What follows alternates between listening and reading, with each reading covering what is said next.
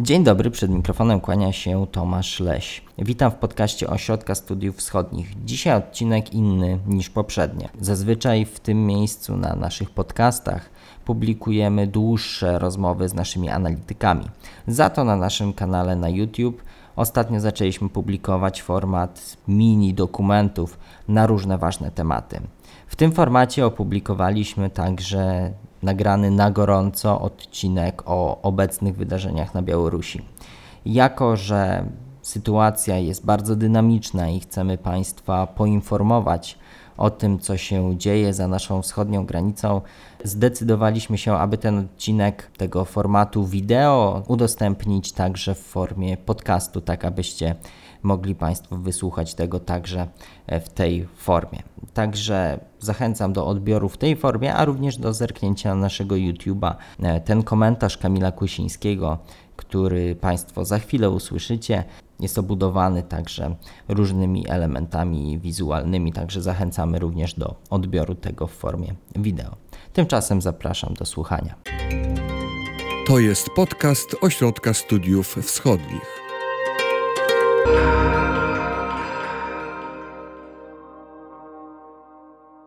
9 sierpnia na Białorusi odbyły się wybory prezydenckie. Podane wyniki wywołały gwałtowne protesty. W tym materiale nagranym na gorąco, dzień po wyborach, analityk OSW Kamil Kłysiński skomentuje wydarzenia na Białorusi. Czy protesty mogą zagrozić prezydenturze Aleksandra Łukaszenki? Jak władze reagują na te wydarzenia i jaka jest reakcja Rosji? Według cząstkowych wyników z 9 rano 10 sierpnia prezydent Łukaszenka wygrał z wynikiem 84,2%. Na drugim miejscu uplasowała się jego główna kontrkandydatka Swietłana Tichanowska z poparciem 9,9%. Tichanowska to żona popularnego na Białorusi blogera, który miał startować w tych wyborach. Jednak władze mu to uniemożliwiły. Więcej na ten temat w jednym z poprzednich odcinków. Co ciekawe, część komisji podała niesfałszowane wyniki, według których wygrała kandydatka opozycji. Łukaszenka 277 głosów. Svetlana Tichanowska 1230. To jest ciekawe zjawisko, bo idąc tak już bardzo, e, bardzo takim radykalnym kierunku, można powiedzieć, że część komisji się zbuntowała i nie posłuchała wskazówek, nie zastosowała się do wskazówek Centralnej Komisji Wyborczej, które e, polecały zorganizowanie kolejnego eleganckiego zwycięstwa Aleksandra Łukaszenki właśnie na poziomie ogłaszanych nam wszemi wobec 80%, nawet ponad 80%. Może też tak być, że jest to świadome działanie, które ma pokazać, że były miejsca, gdzie Tichanowska była popularna.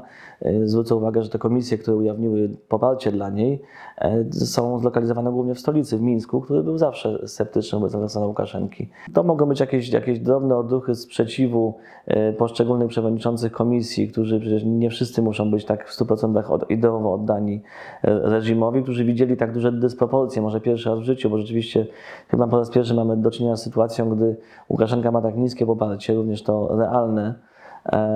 I to mogło niektórych zszokować i pod wpływem tego odważyli się opublikować te, te, oficjalne, te realne wyniki, które przeczą oficjalnym. Wielkiego buntu i wielkiej akcji sprzeciwu bym z tego jednak nie robił za wcześnie, aby aby, aby, aby mówić o jakichś głębokich podziałach czy wypowiadaniu posłuszeństwa. Tym niemniej jest to ważny argument propagandowy dla Swietłany Tichanowskiej, która już teraz używa tych biletynów, posługuje się nimi, twierdząc, że nie ma podstaw, aby uznać y, ogłoszonych oficjalnie wyników, czyli zwycięstwa Aleksandra Łukaszenki. Pojawia się tutaj pytanie, co by się wydarzyło, gdyby wszystkie głosy w całym kraju zostały policzone uczciwie? To jest bardzo niewdzięczne zadanie, bo i bardzo nienaukowe. Nie mamy takiego aparatu ani takich danych, żeby w skali całego kraju to ocenić. Prowincja głosuje inaczej niż duże miasta, a już w szczególności Mińsk, z którego głównie pochodzą te e, buntownicze, opozycyjne protokoły. E, więc to jest trudne zadanie, ale jestem przekonany, że gdyby e, realistycznie liczyć głosy, uczciwie, a z pewnością uczciwie podawać wyniki, powinna się odbyć druga tura w której być może Łukaszenka by przegrał. 9 sierpnia wieczorem po ogłoszeniu wyników wyborów na całej Białorusi rozpoczęły się protesty, które są określane jako bezprecedensowe. Y, Na pewno nie są unikatowe, jeśli chodzi o liczebność. Tutaj ja nie jestem y, zszokowany. W 2010 roku wydaje mi się, że była większa demonstracja w Mińsku. Ona zresztą była w jednym miejscu. Tutaj te grupy były, y, protestujących były rozbite, rozproszone po całym mieście. Może dlatego to tak wizualnie nie robiło wrażenia. To były grupki po dwa, po trzy tysiące, może maksymalnie pięć tysięcy osób, które się przemieszczały w różnych punktach miasta, nie tylko w centrum i były sukcesywnie pacyfikowane z mniejszym większym powodzeniem. W 2010 roku w grudniu to była wielka masa 30-40, może 50 tysięcy osób na jednym placu i w jego okolicach, w centrum Mińska, Placu Niepodległości. Zresztą w okolicach pomnika Lenina to bardzo ciekawie się komponowało. Białoruskie flagi narodowe z pomnikiem Lenina, który z tymi flagami nic wspólnego nie ma. E, To jest e, nowum w tej sytuacji, polega na, na czymś innym, że ludzie wyszli w regionach, co było widać też w kampanii również, że budzą się białoruskie regiony, w tym nie tylko te regiony, które najprędzej byśmy podejrzewali o buntownicze nastroje, czyli duże miasta obwodowe, y, Mochylew, Grodno, Brześć, y, Witebsk czy Homel, ale również miasta rejonowe, takie jak Lida, Pińsk, Kobryń, Baranowicze, y, Nowopołock, Połock i tym podobne. Te miasta wcześniej uchodziły za dość cenne pod względem politycznym. E, Ludzie raczej stamtąd wyjeżdżali, szukali możliwości ucieczki, szczególnie z tych mniejszych miast rejonowych, jak Słonim na przykład. E, Szukali swojego le- le- lepszego losu gdzieś indziej. Tutaj postanowili o ten le- lepszy los zawalczyć na ulicach i to jest ewenement.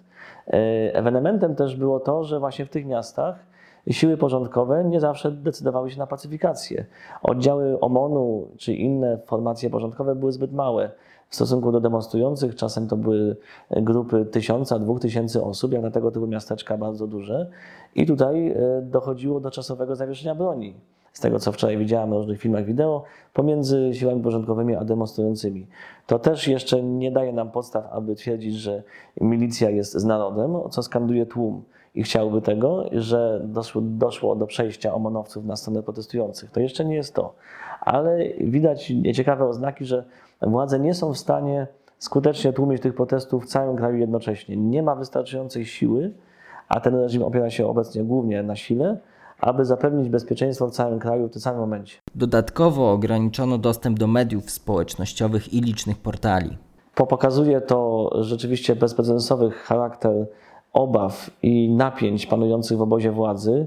Aleksander Łukaszenka do tego stopnia już y, y, postanowił zabezpieczyć y, swoje zwycięstwo, zapewnić sobie w miarę komfortową, chociaż daleko było do tego, ale może taki miał zamiar, komfortową sytuację dokonania kolejnej reelekcji, że postanowił de facto odłączyć ludzi od części internetu.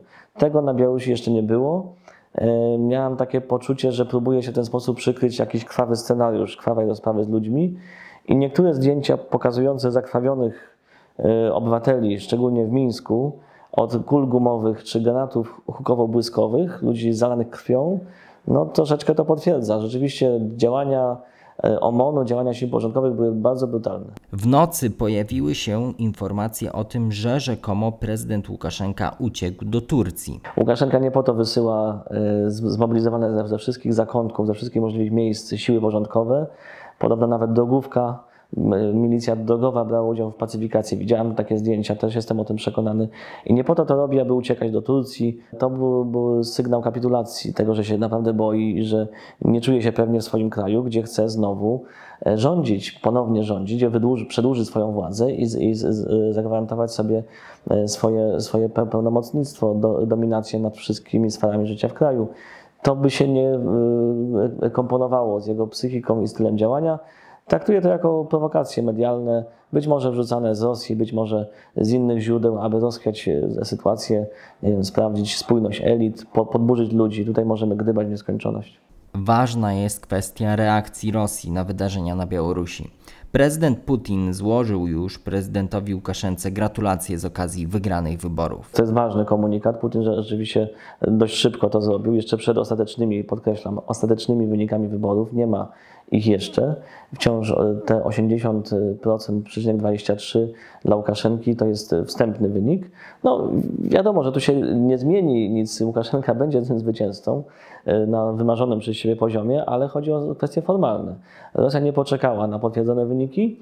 Pokazuje to również wszelkiego rodzaju zwolennikom konspirologicznych, jakichś takich spiskowych teorii, e, zwolennikom tych, tych, tych tez, że Rosja nie dążyła do obalenia Łukaszenki w tych wyborach. Ona dążyła jedynie do osłabienia. Rosja widzi, że Łukaszenka poprzez brutalne represje, rozpędzanie ludzi, e, środki stosowane wobec demonstrantów idzie w stronę zerwania dialogu z Zachodem bądź jego zawieszenia. W związku z czym śpieszy z gratulacjami, a jednocześnie, gdy się wczytamy w ten, w ten komunikat y, krótki, ale bardzo treściwy, wydaje mi się, Putin tam y, zawarł aluzję, że liczy na większe zaangażowanie Łukaszenki w, w projekty integracyjne, w projekty y, rosyjskie na Obszarze Poradzieckim, w tym państwo związkowe, gdzie Rosja tak bardzo naciska i bardzo chce, aby Białoruś godziła się na głębszą integrację. Pojawia się tutaj pytanie, czy obecne protesty są realnym zagrożeniem dla prezydentury Aleksandra Łukaszenki i dla całego jego reżimu. Myślę, że nie z dnia na dzień, że chociaż ludzie próbowali wczoraj ze śmietników, z jakichś kontenerów, ogrodzeń budować barykady, to było to wszystko dość nieśmiałe i, i takie spontaniczne, bez większego planu. Yy, Demonstracje pewnie nie wygasły je- je- jednoznacznie wczoraj. To nie jest możliwe, aby e, tak duże nastroje protestacyjne wypalić, wygasić e, jednego wieczoru. To się będzie tliło. Jednak nie widzę perspektyw radykalnej rewolucji, która się dokona z dnia na dzień. Natomiast jest inne, inne niebezpieczeństwo. Łukasz, Łukaszenka utracił legitymację społeczną ze strony większości społeczeństwa, nie wszystkich obywateli, ale większości.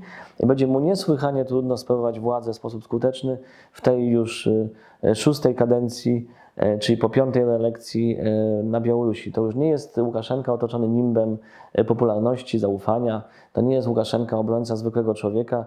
Nie jest to Łukaszenka postrzegany jako gwarant niepodległości. Będzie mu trudniej układać e, też stosunki z Zachodem po tym, co się stało wczoraj w Mińsku i być może wydarzy się, oby nie, ale być może dziś.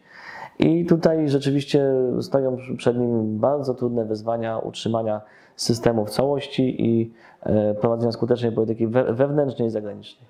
Więcej na temat przyczyn obecnej sytuacji na Białorusi w jednym z poprzednich odcinków. Link pozostawiamy w opisie. Zapraszamy do subskrybowania tego kanału oraz do zapoznania się z naszymi podcastami. Kolejne odcinki już wkrótce.